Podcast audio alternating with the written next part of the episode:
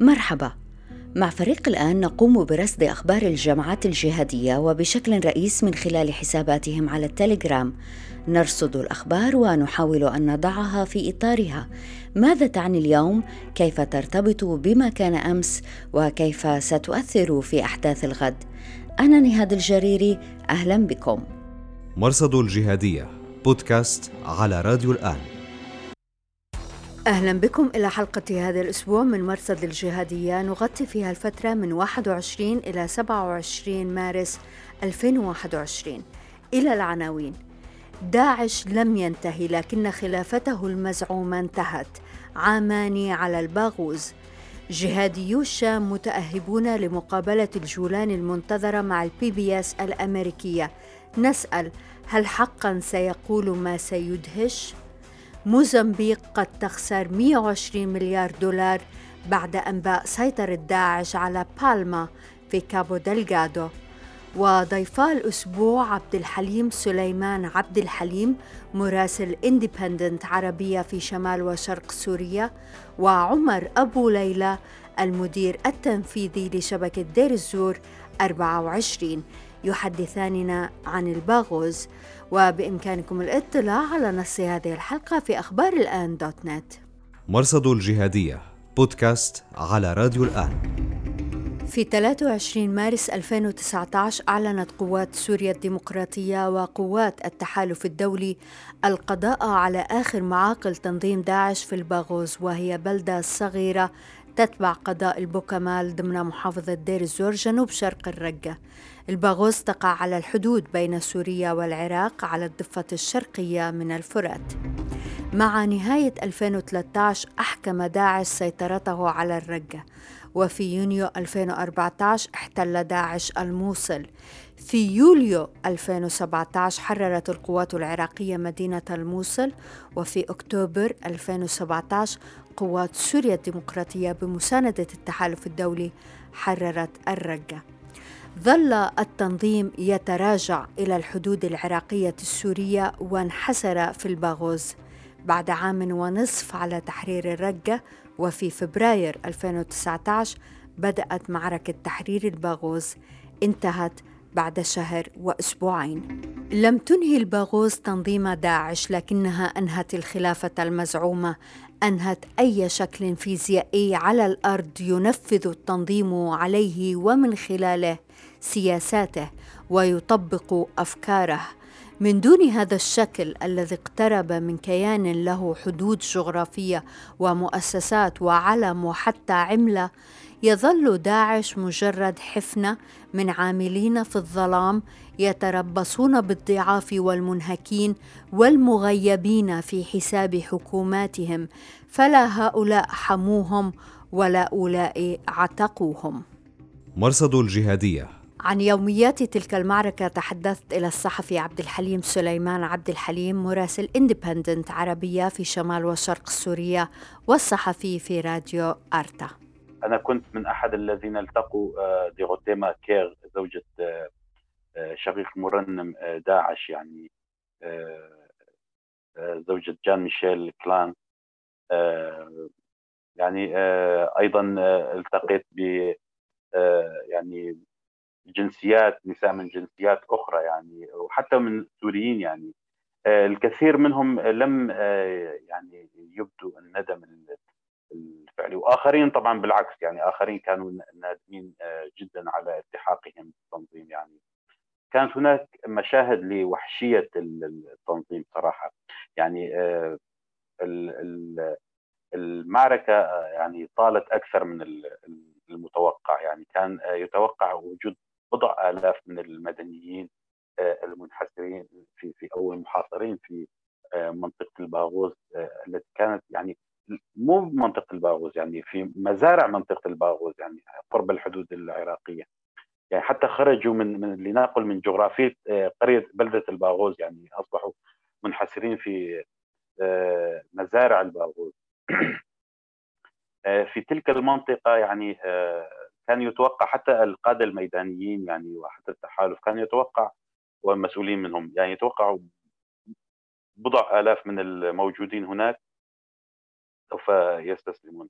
لكن تبين لاحقا أن هناك أعداد أكبر من العدد المتوقع أكثر مما كان متوقع بكثير يعني. لذلك توالت عمليات الاستسلام وتوالت عمليات وصول المدنيين وعائلات تنظيم داعش إلى نقاط تجمع المستسلمين والمدنيين. وطال يعني عمر المعركة بسبب هذا الوضع الإنساني الذي رافق المعركة. يعني معركة الباغوز ربما عسكريا لو كان قتال مقاتلين مع بعضهم البعض لما طالت هذه المدة الكبيرة طالت أكثر من 40 يوم يعني. كانت هناك يعني رغبة من يعني حسب ما فهمنا رغبة من التحالف الدولي والجانب الأمريكي بالتحديد بحسم المعركة بوقت سريع ووقت قصير جدا يعني. لكن المعركة طالت يعني بالذات قوات سوريا الديمقراطية يعني صرحت لنا أكثر من مرة أن هناك ما زال هناك يعني رغم أنه المساحة صغيرة جدا لكن هناك عدد كبير من المدنيين وعائلات تنظيم مقاتلي تنظيم داعش من النساء والأطفال. لذلك يعني لا يستطيعون الضرب بشكل مباشر على المواقع بسبب الاكتظاظ السكاني الكبير الموجودين في تلك الرقعة الصغيرة.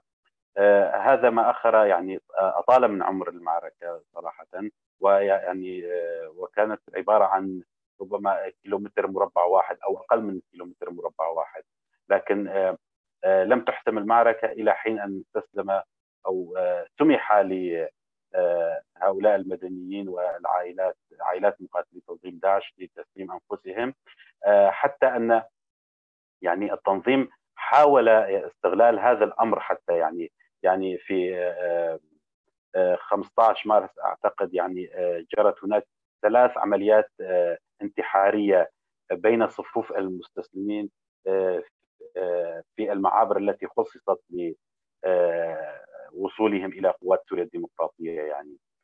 حتى هذا الأمر يعني التنظيم حاول الاستفادة منه يعني.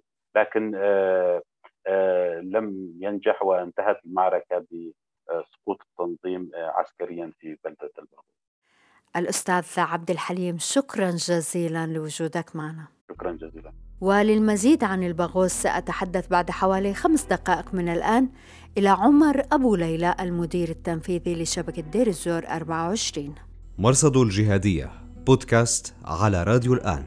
تناقلت الحسابات المعارضة للجولاني تغريدة للصحفي تشارلز ليستر الخبير في شؤون الجهاديين وسوريا. يتحدث فيها عن لحظة فاصلة في مقابلة الجولاني مع مؤسسة خدمة البث العام الأمريكية PBS التي ستبث في أبريل. قال إنها ستحدث ضجة في عالم الجهادية. والحقيقة نسأل ما الذي قد يقوله الجولاني فيحدث هذه الضجة؟ نحن نعلم أن الجولاني غادر عالم الجهادية الذي نعرفه. تسبب في صدع بين البغدادي والظواهري وعمليا طرد البغدادي من إدلب وبعد سنوات طرد الظواهري من إدلب. الجولاني نفى أن يكون أصلا على ود مع الجهادية التي نعرفها وأخبر مركز الأزمات في مطلع 2020 بذلك وقال إنه اضطر إلى مبايعة الظواهر في وقت من الأوقات. الجولاني يقترب أو يتقرب من تركيا ومن الفصائل التي تقاتل تحت رايه تركيا في المحصلة تركيا لاعب في المنطقة مثلها مثل الآخرين وتتبنى سلوكا ومفاهيم يعتبرها الجهاديون كفرا مثل الانتخابات. الآن ما لا نعرفه حقا هو أي نوع من الحكم يسعى إليه الجولاني. هل يريد إمارة إسلامية؟ لكننا نرى اليوم الاضطراب بين ما تريد الهيئة وما يريده آخرون في إدلب. الجدل حول العلم في ذكرى الثورة العاشرة خير دليل على الاستقطاب الموجود في إدلب. في النهاية هل يحتاج الجولاني حقا إلى أن يبرر أيديولوجيته إلى الغرب أم أنه سيفرض شروطه وكفى؟ الجواب في الربيع.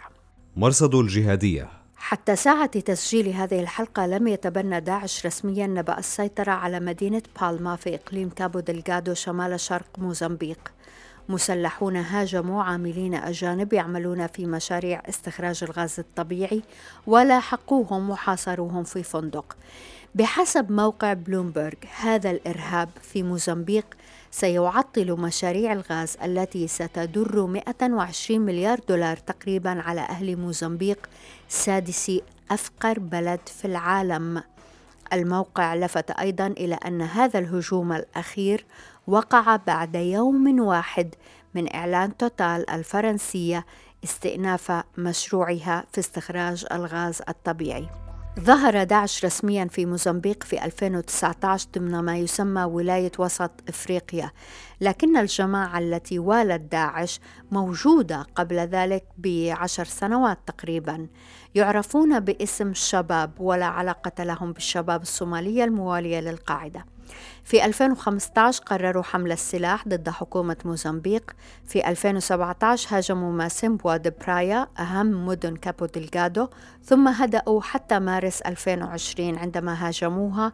وبلدات أخرى وظلوا ينتهجون أسلوب الكر والفر حتى أغسطس الماضي عندما أعلنوا احتلال مرفأ البلدة كاملا. في الأسبوع الأول من مارس صنفت واشنطن المجموعة وقائدها في قوائم الإرهاب يعرف قائدها باسم أبو ياسر حسن ويعرف أيضا باسم أبو قيم ويحمل الجنسية التنزانية. مرصد الجهادية بودكاست على راديو الآن. نقل حساب رد عدوان البغاء المعارض لهيئة تحرير الشام أن خلافات وقعت أخيرا بين شرع الهيئة العام عبد الرحيم عطون وشرعي الجناح العسكري مظهر الويس الخلاف تعلق بتعيين قضاة. لم يوضح الحساب لماذا أو كيف حسم الخلاف لصالح الويس فهل أصبح متنفذا أكثر من عطون؟ لا نعلم. في الآونة الأخيرة اعتقلت الهيئة شخصيات محسوبة عليها فيما وصف بخلافات داخلية. إذا شعت في الآونة الأخيرة الهجمات المجيرة لمجهول ضد أهداف تتبع هيئة تحرير الشام. مزمجر الثورة نقل هذا الأسبوع أنباء اغتيال أمنيين وعسكريين تابعين للجولاني ومنهم اثنان من المرابطين في كتيبة المقاومة. وعلق يبدو أن الاحتقان الشعبي لم يعد يميز بين أمني وعسكري عند الجولاني أعلنت الهيئة هذا الأسبوع أنها تمكنت من تحييد خلية داعشية في أطما شمال إدلب. جهاز الأمن العام قال إن الخلية مسؤولة عن قتل المرابطين المذكورين سابقا ونشر صورا تبين قتل اثنين من عناصر الخلية فيما فجر ثالث نفسه واسمه أبو الدرداء الروسي.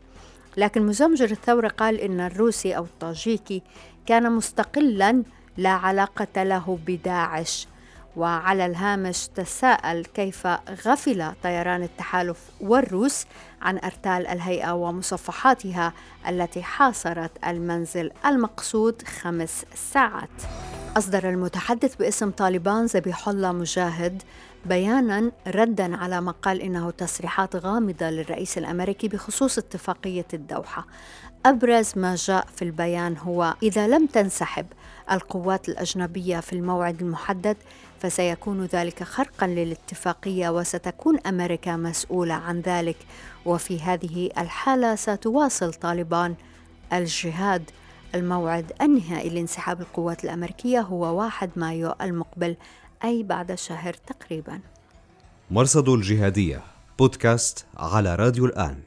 إذا عامان على الباغوز للمزيد عن تلك المعركة الفاصلة نرحب بالأستاذ عمر أبو ليلى المدير التنفيذي لشبكة دير الزور 24 ابن الدير والخبير والصحفي السوري. شكرا جزيلا لوجودك معنا أستاذ عمر. شكرا لكم. لماذا برأيك الباغوز كانت المعقل الأخير لداعش؟ ما أهمية الباغوز وأهمية هذه المعركة بشكل عام؟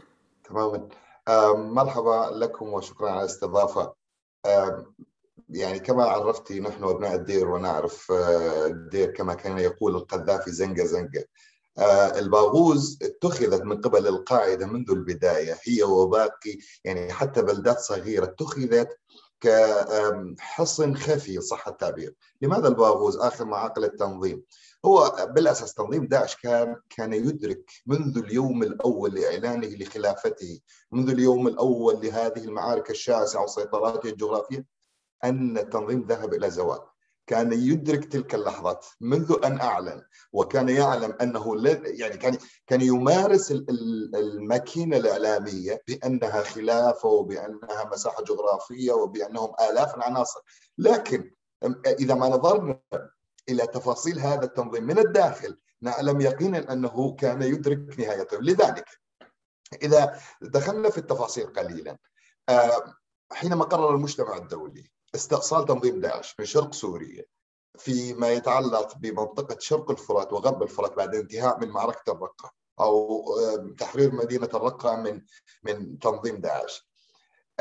هنا أعيد وأكرر أن المجتمع الدولي ارتكب خطأ فادحا وربما ربما ليس هو موضوع الحلقة وهو ما يتعلق بإفساح المجال لإيران بالتشارك مع روسيا ومع نظام الاسد بأن يأخذوا هذا العنوان مقاتلة تنظيم داعش بينما إيران كانت آه، تهدف ولا تزال حتى هذه اللحظة لتنفيذ مشروعها ما خلف تنظيم داعش وهو السيطرة على تلك البقعة الجغرافية. صار في سباق آه، زماني ومكاني ما بين ضفتي نهر الفرات غرب وشرق الفرات التحالف الدولي وشركائه قوات سوريا الديمقراطية المعروفه بقسد هم على ضفة الفرات الشرقية ونظام الأسد والروس والإيرانيين على ضفة الفرات الغربية. آه، تنظيم داعش كان يخدم بشكل واضح وعلني نظام الأسد يعني آه، فشلت كل الرهانات التي كانت تعتقد أن تنظيم داعش سوف يقاوم سوف سوف آه، بحجم الهالة العسكرية أو الترسانه العسكرية التي كان يمتلكها تحديدا في دير قبل بدء هذه المعارك. ليس هو فقط سد عسكري إنما آه، تنظيم لجأ إلى الانسحاب وتقليل الخلاء وتقليل الضرر البشري في صفوفه والتموضع أكثر في مناطق تواجد التحالف الدولي وقوات قسد، اذا هو عبر ضفة الفرات من غرب إلى شرق الفرات وكان هدفه الرئيسي هو تأخير التحالف الدولي وقسد حسمهم للمعركه العسكرية شرق الفرات. هنا في ذات الوقت نتذكر جيدا أن الروس ونظام الأسد والإيرانيين وصلوا إلى مدينة البوكمال قبل أن تصل قوات التحالف الدولي وقسد إلى آه، ما بعد الباغوز لماذا الباغوز؟ إذا هنا تنظيم كان يخطط إلى الاستماتة وضع المدنيين كدروع بشرية بالإضافة للعديد من مقاتليه الذين كانوا يتحصنون في هذا المخيم. يعني اتبعوا تكتيك مرعب. وحتى فيما خرج من خفايا ومن كواليس ومن تفاصيل سرية ثبت أن البغدادي قبل أن يقتل أنه غادر آه، خارج دير الزور من الباغوس. إذا الباغوس كانت تعني آه، رمزيا للتنظيم شيئا كبيرا إعاقة التحالف الدولي اللعب على وتر الإنسانية بأن هناك أطفال نساء يتامى غيره إلى آخره. التحالف الدولي إحراج التحالف الدولي إن صح التعبير أمام المجتمع الدولي أنك لا تستطيع أن تمحي هذا المخيم الذي يضم أطفال ونساء فلذلك تأخر الحل هي ليست بطولة بقدر ما أنها لعبة آه، سياسية لجأ إليها التنظيم. آه، آه، كان يضع المدنيين كدروع بشرية في هذه المعركة بالإضافة أنه كان يماطل كثيرا لكي يخرج قياداته الرئيسية وكما يعلم الجميع بما فيهم البغدادي الذي غادر في من بعد ذلك إلى ادلب. مثل مين هاي القيادات؟ لأن خروج القيادات من الباغوز حقيقة آه، بينما حبس المدنيون عمليا كان من أبرز ما ميز هذه المعركة مثل مين قيادات؟ طبعا آه، اليوم نعلم جيدا أن تنظيم داعش حتى هذه الساعة لا يستخدم أي اسم حقيقي وهذا دور الاستخبارات الدولية أن تكشف أبو أحمد الجزراوي أبو يونس الأوروبي إلى الألماني أبو طلحة الألماني إلى آخره فاعتمد التنظيم أو كل فصائل القاعدة تحديدا تنظيم داعش منذ البداية اعتمد على الأسماء المستعارة. وهذا بالنسبة لأبناء دير الزور. كان واضحا منذ البداية قبل حتى المعارك.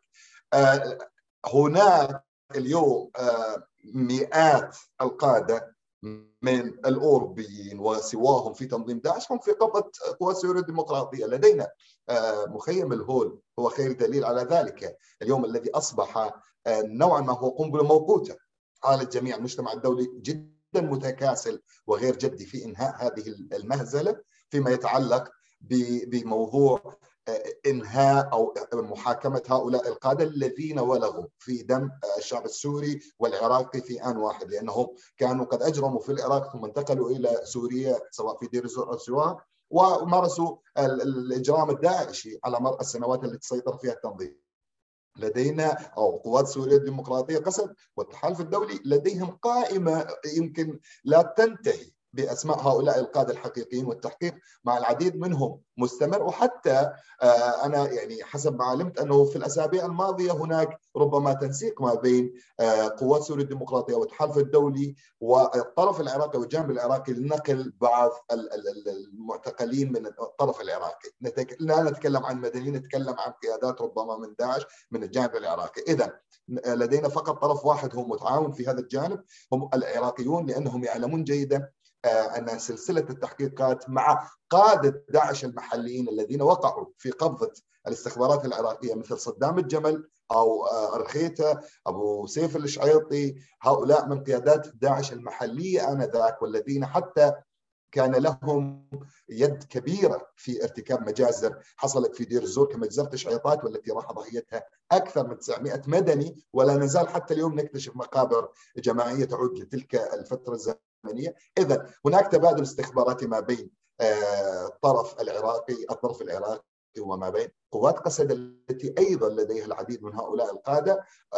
نعلم جيدا أن السلطة العراقية تحاول قدر الإمكان فكفكت إن صح التعبير أو حل لغز هؤلاء القادة الذين آه، لعبوا بمصير منطقتين حدوديتين أو بالأحرى بلدين هما سوريا والعراق من خلال أن أن تنقلاتهم كانت مستمرة ما بين عدة بلدات في العراق وما بين عدة مدن ومحافظات في سوريا كما كان كما اتخذوا دير الزور حصنا حصينا. وهنا آه، أريد أن أذكر دائما كل من يستمع على هذه الجملة أن داعش حينما كان يعلن أن الرقة محافظة الرقة هي عاصمة الخلافة هذا كان إعلان وهمي لايهام المجتمع الدولي لايهام من يحاول أن يتتبع أخبار وتفاصيل التنظيم. حقيقة لم تكن الرقة هي عاصمة الخلافة ما يسمى بالخلافة.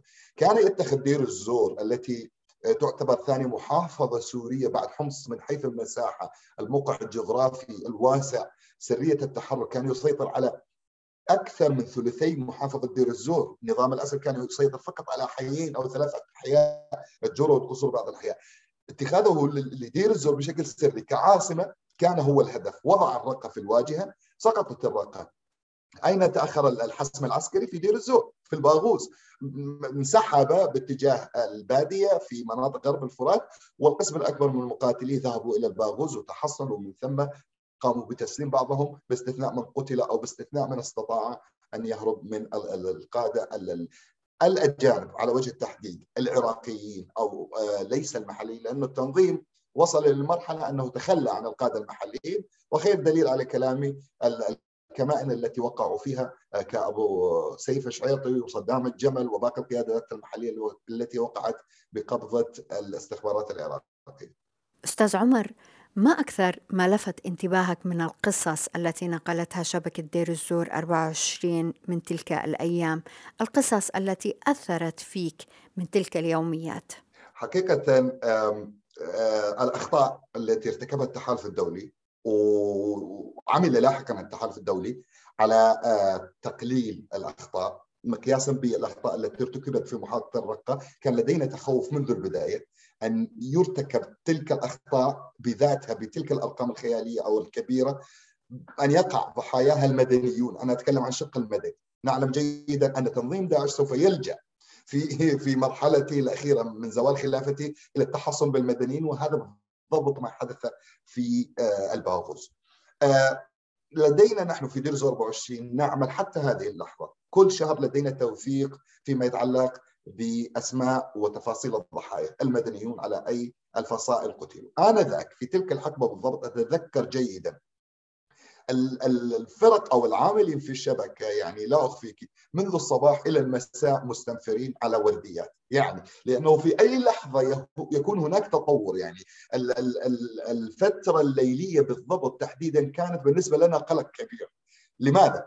لأن التنظيم ربما كان يحاول أن يستهدف قسد أو التحالف بمفخخات ربما تؤدي إلى مقتل مدنيين في المناطق القريبة من تلك الخطوط القتالية. وفي ذات الوقت كنا نجهل هل فعلا القسد والتحالف لربما في لحظة ما يداهمون ذلك المخيم أنا أتكلم عن المعركة الأخيرة معركة الباغوز. ماذا سيحدث من تفاصيل؟ ليس الموضوع يتعلق بالأخبار العاجلة بقدر أن هناك يعني علق الآلاف من المدنيون ما بين هذين الطرفين. طرف التحالف وقسد من جهة وطرف تنظيم داعش أيضا من جهة. داعش منذ البداية اعلنها بشكل صريح أنه احتمى بالمدنيين. التحالف الدولي قلل بالأرقام وأنا مسؤول عن كلامي آه، ارتكب أخطاء في دير الزور لكن آه، تلك الأخطاء وهذا لا يدلل أن أن أرواح المدنيين ممن قتلوا هي رخيصة مطلقا. قلناها ذلك بشكل صريح لمسؤولية التحالف لمن كان يشرف على العمليات العسكرية. لكن ما ما حدث في الرقة أرقام محافظات الرقة كان هناك أخطاء كثيرة تكررت. هذه الأخطاء أدت إلى إزهاق أرواح مدنيين أبرياء.